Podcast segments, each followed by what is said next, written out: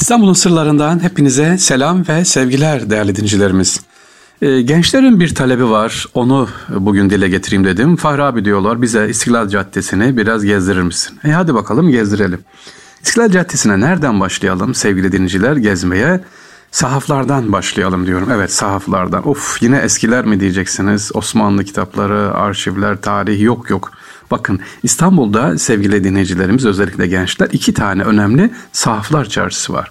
Bir tanesi Beyazıt'ta olan Osmanlı tarih kitapları, Arapça kitaplar, Osmanlıca yazılı kitaplar ve değerli el yazması kitaplar var. Ama bir tanesi de var ise İstiklal Caddesi'ndeki kitaplar ise özellikle Beyoğlu'ndaki İstiklal Caddesi'ndeki kitap burada da e, Londra, Paris, Amsterdam, Berlin gibi yabancı ülkelerde basılan kitap ve dergilerin tedarik edildiği yerlerdi burası. Özellikle e, müşteri çevreleri tabii daha ziyade bu dilleri bilen insanlardan olur. Yani burada Osmanlıca, Arapça kitaplar satılmaz Beyoğlu'ndaki sahaflar ki mutlaka dediğim gibi İstiklal Caddesi'ni gezmek istiyorsanız aa ya da İstiklal Caddesi'ne gittim gezdim işte şurayı burayı gördüm değil sevgili dinleyiciler İstiklal Caddesi'ndeki Sahaflar Çarşısı'nda e, görelim. Beyazıt'taki Sahaflar Çarşısı'na gittiğiniz zaman işte diyelim ki Almanya'dan filan kitap lazım ya da Berlin'den şu lazım. Hiç kardeş bakma buraya Cadde-i Kebir'e git derler. Cadde-i Kebir dedi İstiklal Caddesi'ndeki o İstanbul e, Beyoğlu Sahaflar Çarşısı.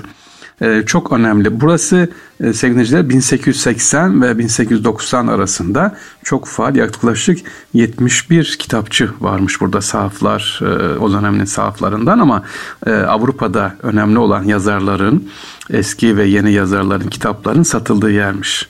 Bir de buradan şunu düşünün işte kültür nereden nereye geldik düşün. Sadece yabancılar okumuyor. Aa işte Beyoğlu'nda Levantenler var da yabancılar var da onun için kitapla. Hayır İstanbul halkı da İstanbul beyefendileri de yabancı dil bildiği için Fransızca, Almanca, İngilizce hem kendini geliştirmek hem de kültürü takip etmek için, e, entelektüeli takip etmek için İstanbul'daki bu saflar çarşısına geliyorlarmış sevgili dinciler.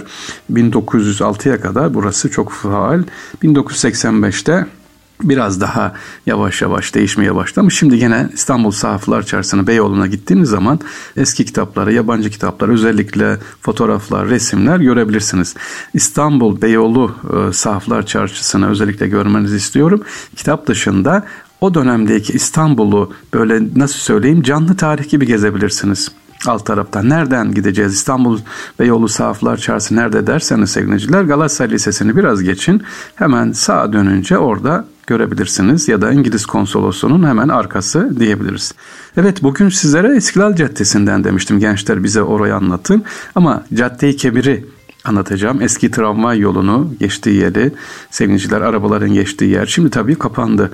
Ne yapabiliriz? Şimdi nereye gezebiliriz? Diyelim ki İstanbul sevgiliciler tam merkeze ne var? İstiklal Caddesi'nin başında yeni yapılan Taksim Camimiz var. Taksim Camimizi bir görelim.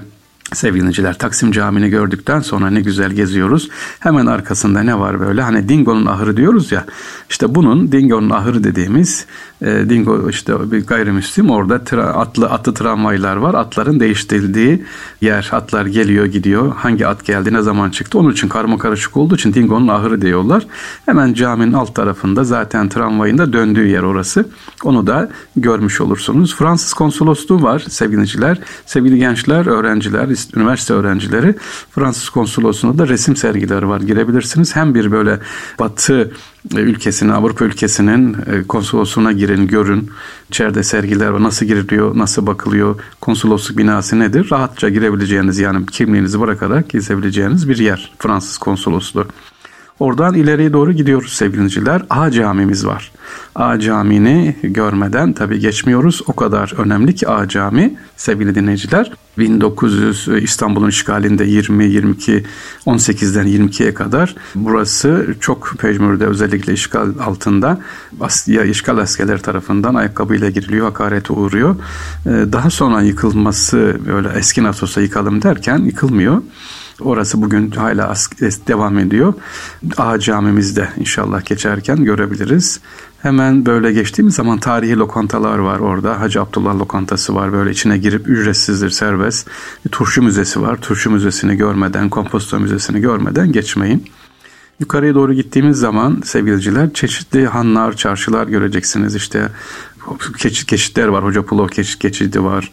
E, Narmanlı Han var ileride. Birçok hanlar var. Bunların içine gidip baktığınız zaman eski dönemden hiç olmazsa günümüzde de tarihi olarak e, yansıtıyorlar. O tarihi de görerek devam edebiliriz. Yakalarsanız arada tramvay var. Aman sakın asılmayın. Hala asılıyorlar var. Belli yerlerde duruyor. Nostaljik olarak tramvayı da İstiklal Caddesi'nden geçerken görebilirsiniz. Tabii benim çocukluğum ve son 5 yıl 10 yıla baktığımız zaman çok değişti İstiklal Caddesi. Ee, çok daha farklılaştı. Böyle e, Fatih'ten adeta farklı kalmadı e, sevgiliciler. Eski özelliğini koruyamadı. Keşke korusaydı farklı olarak ama bu hanlara girdiğiniz zaman özellikle Narmanlı Han dediğim gibi edebiyatın merkezi olan matbaanın kurulduğu ilk Rus konsolosluğunun olduğu yer oraları görebilirsiniz. İstiklal Caddesi niye gezelim diyeceksiniz. Şöyle binalara baktığınız zaman Avrupa mimarisini görüyorsunuz orada. Hanlar işte Yunan konsolosluğunun olduğu yer. Ee, arka tarafta Belçika konsolosluğu var, Rus var, İsveç var, Hollanda var sevgili dinciler. Bu konsoloslukların hepsinin sırasıyla bir tespit tanesi gibi orada dizildiğini görüyorsunuz. Özellikle yukarıya doğru, tünele doğru geldiğiniz zaman sevgili dinciler bir tarihten başlayıp gidiyorsunuz. Ama şöyle düşünün. İstiklal Caddesi İstanbul'un bir arka yüzü, farklı bir yüzü.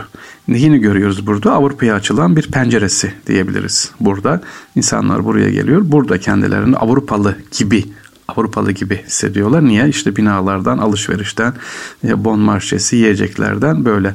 Ama o dönemden şimdi baktığımız zaman ne var? Sevgiliciler bir farklılık olarak ne var? E, bir karma karışıklık var, bir trafik düzeni var farklı.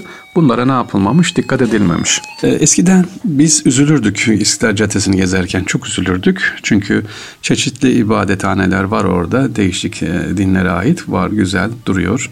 Osmanlı'nın bir hoşgörüsünü orada görüyorsunuz. Camimiz yoktu seviniciler. İleride e, Müeyitzade Camii var. İleride Müeyitzade Camii. Biz oraya cuma namazı oraya giderdik. Şimdi elhamdülillah çok şükür Taksim Camimiz yapıldı. Şimdi Müeyitzade Camii'ne İstiklal Caddesi'ne geldiğiniz zaman görmeniz isterim. Müeyitzade ne demek? Yani Meyit e, seviniciler. Bu şeyden çıkıyorsunuz Kasımpaşa yokuşundan çıkıyorsunuz sol tarafta bir türbe var. Lohusa Hatun Türbesi. Lohusa Hatun hamile sevgiliciler bir Yeniçerinin e, askerin daha doğrusu eşi e, sefere gidiyor. Diyor ki ben eşim hamile Rabbim sana emanet ediyorum diyor. Seferden dönüyor. E, diyor ki eşiniz vefat etti doğumda. Gidiyor bana diyor gösterin olmaz diyor. Ben Allah'a emanet ettim yavrumu diyor. İşte gidiyorlar toprağa eşeliyorlar. Aa çocuk doğmuş seviniciler anne sütünden bir iki gün önce olmuş doğmuş işte. Anne sütünden besleniyor çocuk hayatta çıkartıyorlar. Meyyit zade diyorlar kendisine ve padişahın haberi oluyor. Padişahın bizzat huzuruyla korumasıyla kendisi e, devlette görev alıyor. Onun için lakabı da Meyitzade'dir. Bununla ilgili uzun e, hikayesi var. İnşallah anlatırım sizlere. Onun camisidir. Mezarı da hemen oradadır. Annesi Lohusa Hatun Kasımpaşa yokuşunda Beyoğlu'na çıkarken Meyyitzade Camisi de hemen Galata Kulesi'ni tünele doğru giderken sol taraftadır. E, ilginç bir cami, güzel bir inşallah gidip de buraları ne yapalım ziyaret edelim. Gitmişken Galata Kulesi'ni de göreceksiniz. Tamam Galata Kulesi ama Galata Kulesi'ni görmek için öyle e, 8'de 9'da değil sabah sabah 5'te hatta 6'da kuyruğa girenler var. O kadar kalabalık sevgili dinleyiciler. Galata Kulesi'ne gittiniz yukarı hadi çıkamadık ama çeşmeyi görün oradaki. Osmanlı'nın yaptığı eserler var. Onlardan da çeşmeler var. Bu çeşme aslında ileride camiden buraya nakledilmiş olan bir çeşmedir. O dönemde yol geçtiği zaman birçok yerler orada tabii eserler var, tarihi eserler var. Zamanda yol geçince tahribat olmuş, işte talan edilmiş diyeyim ben artık kaldırılmış. Osmanlı eserlerimizin bir kısmı da yok edilmiş. Şimdi onun için bu çeşmeyi görünce Galata Kulesi'nin olduğu yerde bir hatıra olarak inşallah sahip çıkalım. Sevgili dinciler İstiklal Caddesi dedik. İstiklal Caddesi'ni de güzel gezerek, e, görerek, bakarak Osmanlı eserlerine Avrupa dönemindeki özellikle o yapılan binalar ama bir taraftan da farkı görüyorsunuz. Osmanlı estetiğini, Osmanlı nezaketini görüyorsunuz. Bu küçük arada kalmış da olsa çeşmeleri, e, Müeyyidzade camimizi, A camini görüyoruz. İnşallah böyle tefekkür ederek dediğim gibi İstiklal Caddesi'nin cadde-i kebiri gezeriz ama arada başka görülecek olanlar var, tarihi yerler. e, izin alırsak inşallah bir e, gezide olabilir böyle konsolosluklar özellikle e, konsoloslukların olduğu yer arka bahçeler çok önemli değerli. Onları da bir anlatırız inşallah. E, dediğim gibi gitmeyince görmeyince böyle kitabı anlatmıyorum. Hollanda konsolosluğuna başvurduk. Almanya konsolosluğuna cevap geldi. İçerisine girip görünce de sizlere anlatırız inşallah. Allah'a emanet olunuz efendim. Kolay gelsin.